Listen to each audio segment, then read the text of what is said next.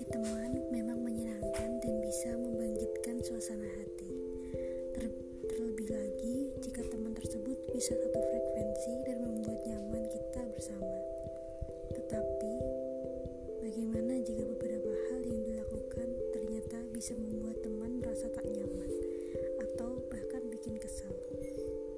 Berikut ini merupakan lima hal yang terkesan biasa terjadi dalam sebuah pergaulan